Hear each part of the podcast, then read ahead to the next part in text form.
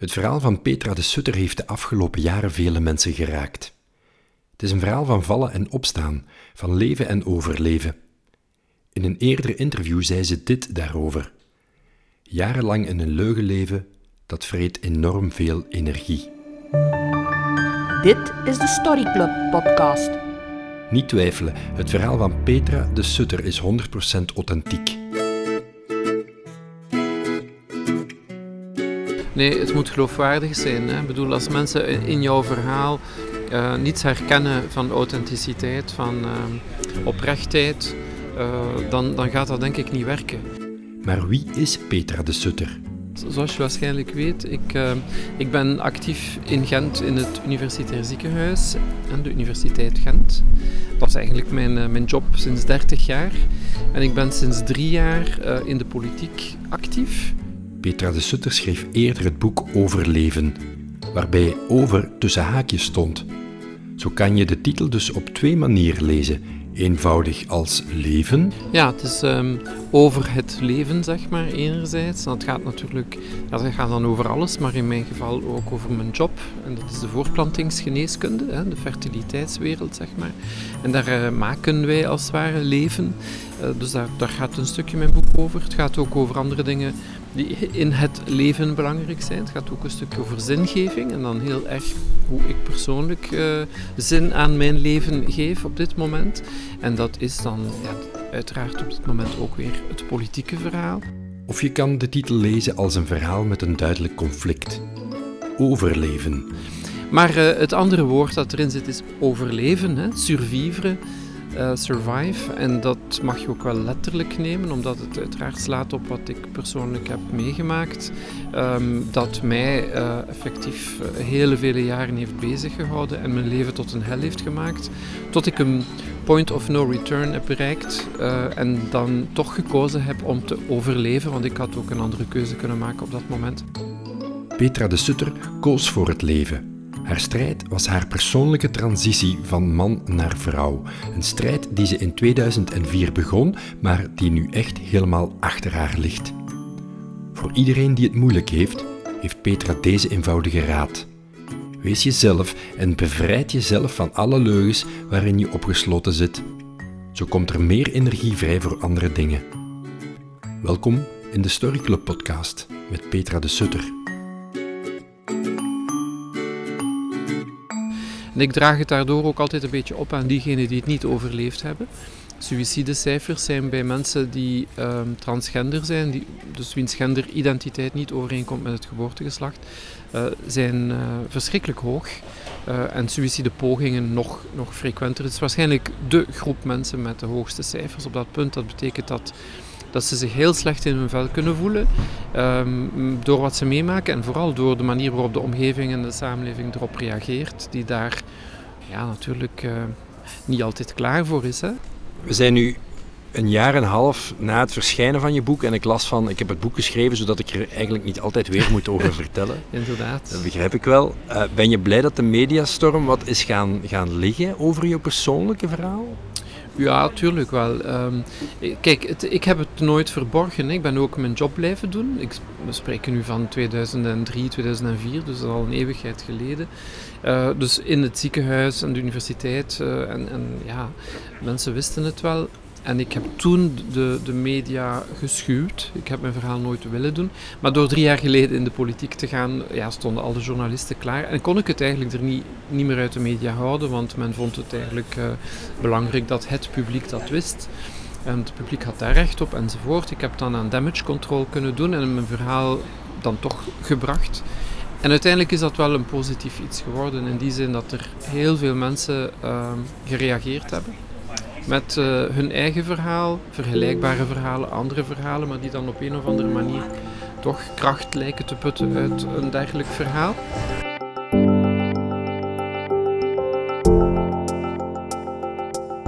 Ja, het, ja, ja, om, ja, het vraagt moed om je kwetsbaar op te stellen.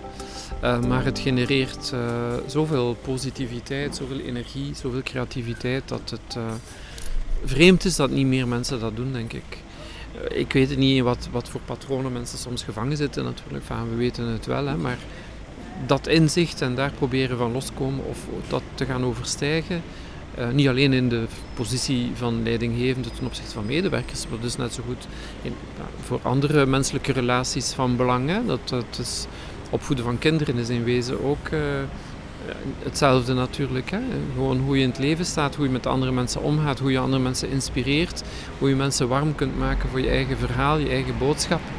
Um, dat doe je ja, niet op een rationele manier. Uh, dat, dat doe je op een, op een emotionele manier. Dat, dat klinkt misschien, dat is niet het juiste woord. Ik bedoel, dat, dat, dat doe je door te appelleren aan die emotionele hersenhelft, aan die irrationele hersenhelft, aan die verhalen, aan die... Zo maak je verbinding. Zo maak je verbindingen. Je noemde uh, meditatie.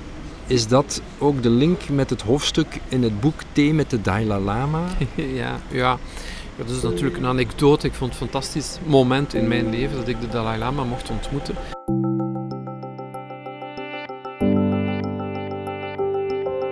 Ik ga relatief weinig nu nog naar uh, een of ander boeddhistisch centrum.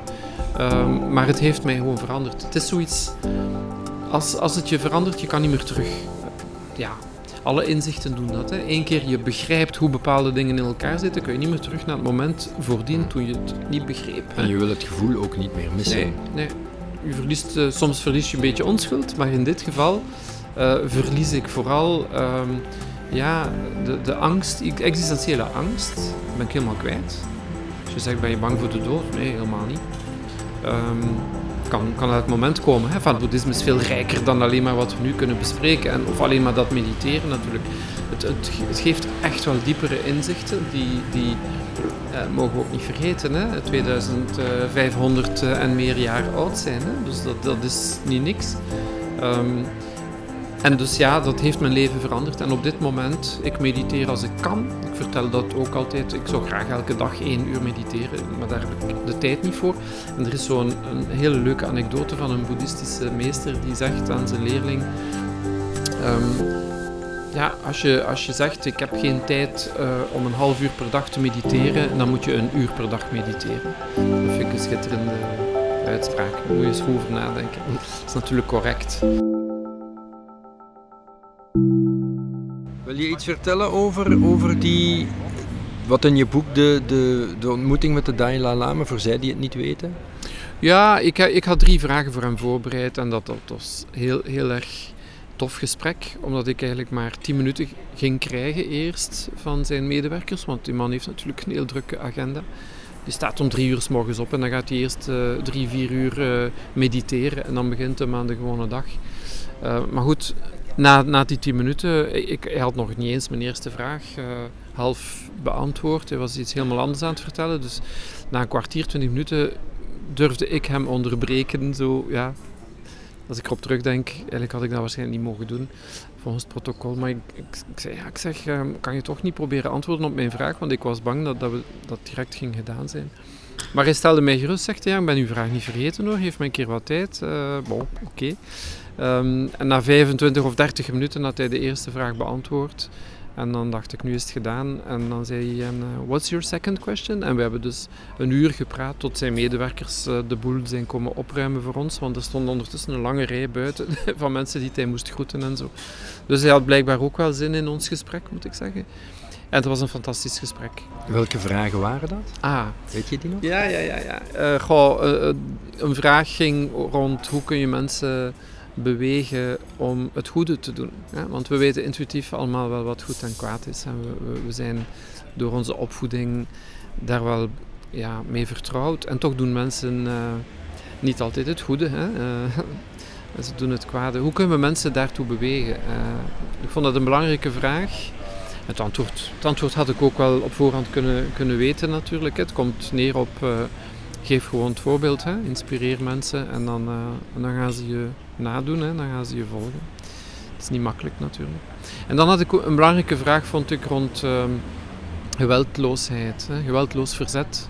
Uh, destijds was het Gandhi uh, gelukt om de Britten buiten te krijgen met zijn geweldloos verzet, maar anderzijds, de Tibetanen bijvoorbeeld, uh, ja, binnen dit en een paar generaties zijn er geen meer over. Hè. Die worden, dat is gewoon een, genocide wat daar gebeurt in China.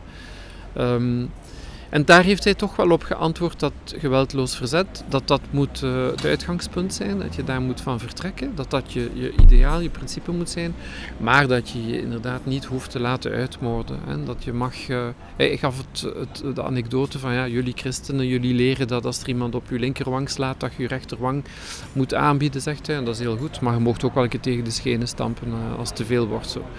Vond ik eigenlijk wel interessant. Ik vond het interessant. Um, goed. Ik, ik was een beetje um, afwachtend voor dit gesprek, omdat de Dalai Lama in, in het publiek, zeg maar, als je hem ziet, soms wat, wat kinderlijk, soms wat naïef overkomt.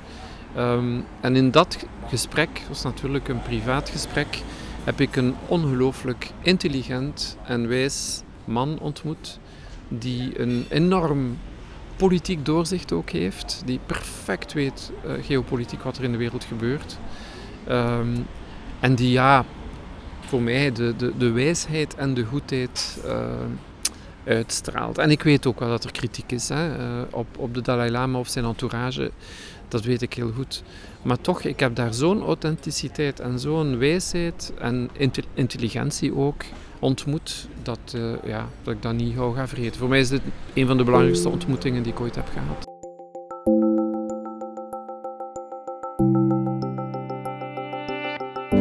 Als er iets is dat je meeneemt uit zo'n rijk gesprek, iets dat top of mind is, dat je zegt, als ik iets warm met me meedraag, wat zou de kern daarvan zijn? Ja, um, zijn, zijn slogan, hè, maar die staat op elke t-shirt uh, die daar gedragen wordt enzovoort, dat is never give up. Hè.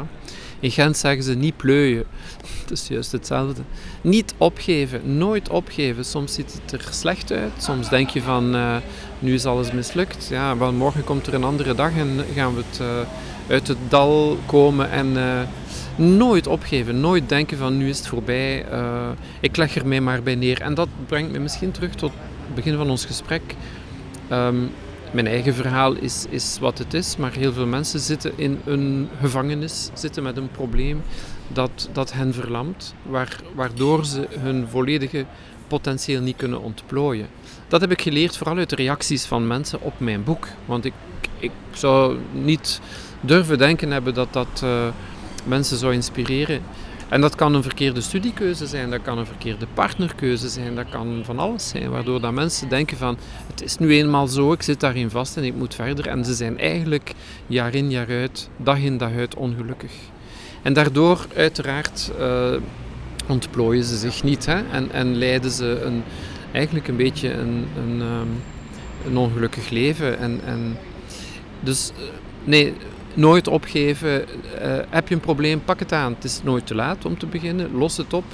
Uh, zoek naar, naar oplossingen. Het, het, voor de meeste dingen kan het. En ik weet, misschien praat ik hier ook wel makkelijk iemand die in de armoede zit en die geneten heeft uh, of zijn facturen niet kan betalen het einde van de maand. Misschien heeft hij andere prioriteiten. Hè? Dat, dat misschien wel. Maar een verkeerde studiekeuze of beroepskeuze of partnerkeuze of mensen die worstelen met identiteits issues, seksuele oriëntatie, genderidentiteit uiteraard. Uh, doe daar iets mee.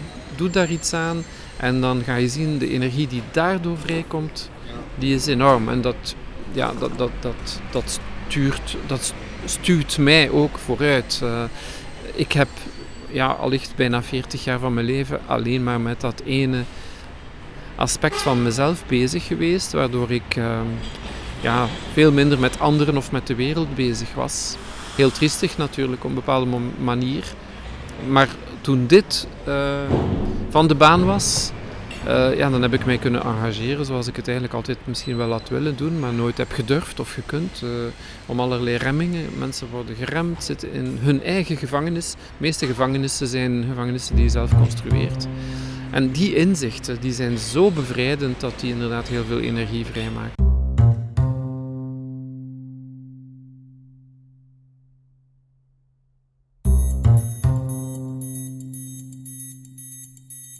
Hebt talenten. Ik, bijvoorbeeld, je, je schrijft goed of je, je rekent goed of weet ik veel wat. En dan heb je waarden. Hè. Uh, de manier waarop je naar de, de, wereld kijkt, de dingen waarvoor je wil inzetten, de, de dingen waarin je in gelooft. Hè. En dan bedoel ik niet religie, maar uh, het mensbeeld of wereldbeeld dat je hebt, die moeten, die moeten gematcht zijn. als, je, als je goed kan rekenen en je, je, je eindigt in een economische functie in een uh, topbedrijf dat uh, dingen doet waar je in eer en geweten problemen mee hebt, uh, je kan dat verdringen hoor. Je kan doen alsof het je allemaal uh, niet aangaat dat jouw bedrijf dingen doet die niet door de beugel kunnen. Hè. En ik wil geen politiek of ideologische uitspraken doen, maar ik denk dat we, dat we daar wel voorbeelden zouden kunnen van geven als we dat willen. Ja, je werkt voor zo'n bedrijf omdat je toevallig een goede economist bent. Ja, dan ga je ongelukkig worden, dan ga je dat ga je ofwel niet, niet volhouden, ofwel ga je natuurlijk vluchtwegen ontwikkelen. En ergens gaat er iets fout zitten in dat evenwicht, uh, omdat, omdat jouw waarden daardoor voortdurend uh, ja, uh, verwrongen worden of, of, geweld aangedaan worden. Er bestaat ook een woord voor, hè? moral distress noemt dat. Hè? Als je dingen moet doen in je job die vloeken met, met je moraliteit, met je wereldbeeld enzovoort, dan ga je daaraan onderdoor. Hè. Misschien ook uh, een van de redenen waarom vandaag er zoveel burn-out Ik ging zeggen, dat is een van de ingrediënten voor burn-out. Hè. Dingen doen waar je het in eer en geweten niet mee eens bent.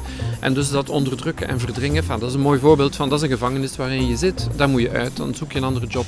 Ja, en dat is allemaal makkelijker gezegd dan gedaan, I know. Maar toch, toch ga je dat moeten doen. Of je gaat ongelukkig blijven. En, en dat is een mooi voorbeeld daarvan. Wat is de grootste passie in jouw leven en werk? Ja, in één woord, of in één zin, of in één, uh, in één uur. Mijn grootste passie.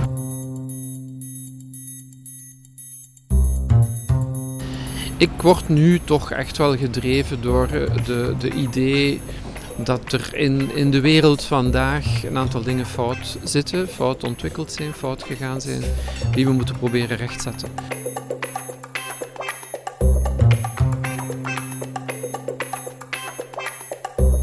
En dat, is, dat vind ik heel erg in mijn politiek werk. Dat, gaat, dat is natuurlijk het sociale en ecologische project waar mijn partij voor staat. Dat is anderzijds ook het werk in de Raad van Europa, wat ik doe rond mensenrechten. Ik heb ongelooflijk respect gekregen voor wat mensenrechten echt betekenen, want iedereen kent mensenrechten, maar niemand weet echt goed welke waarden die hebben. Het gaat over minderheden, het gaat over seksuele minderheden, uh, homoseksuele mannen en vrouwen in Tsjetsjenië. Als je de media een beetje volgt, dan, dan zie je wel wat er nog allemaal moet gebeuren. Uh, transgender personen in vele landen natuurlijk ook. Die worden ook vermoord. Hè. We hebben het over suïcide gehad, maar we mogen ook wel zeggen dat er nog heel veel vermoord worden overal in de wereld. Um, maar het gaat ook over vrouwen bijvoorbeeld. Hè. Het gaat over gelijkheid tussen mannen en vrouwen. Ik zet me nogal in voor seksuele en reproductieve rechten. Uh, alles wat met voorplanting, maar ook contraceptie te maken heeft. Maar ook meisjes die naar school moeten kunnen gaan in Indië en niet op hun twaalfde uitgehuwelijkt worden. Uh, vrouwenbesnijdenis, dat zijn toch ook thema's. Ik ben ook gynaecoloog waar ik mee bezig ben. Dus al die, al die thema's waar ik op dit moment politiek kan mee bezig zijn, ik vind het fantastisch dat ik dat kan doen. Uh, ja, is, zijn voor mij de invulling van, van de waarden waar ik belang aan hecht. En, en de wereld zoals ik hem graag zou zien ontwikkelen. Met meer solidariteit, meer gelijkheid, meer gelukkige mensen. En meer respect voor de, voor, voor de natuur, voor ons milieu. Uh, want we zijn niet goed bezig. Hè? En, en iedereen doet maar verder en stelt geen vragen. En iedereen denkt aan zichzelf en aan de korte termijn. Terwijl we moeten denken aan de toekomst en onze kinderen en kleinkinderen. En op de lange termijn. En dat is in de politiek niet makkelijk, want iedereen wil natuurlijk binnen een termijn van vier of vijf jaar er verkozen worden. En toch hebben we nood aan mensen die op lange termijn uh, beleid ja, het, gaan Het is zo de, de weg naar het beloofde land, hè, want dat is een heel hoog doel dat je daar inzet heb je ook plezier van de weg er naartoe en ja. al die obstakels oh, ja, die je dan tegenkomt? Tuurlijk, mensen zeggen ja, kom aan, dat, dat is wel een beetje naïef aan wat je nu allemaal zegt. Uh, want bedoel, binnen dit en ja, hoeveel jaar zal ik actief kunnen zijn in de politiek, weet ik veel. Ik ben nu 54, toch misschien nog een paar jaar. Uh, je weet je ook wel dat je met moeite iets gaat kunnen bereiken.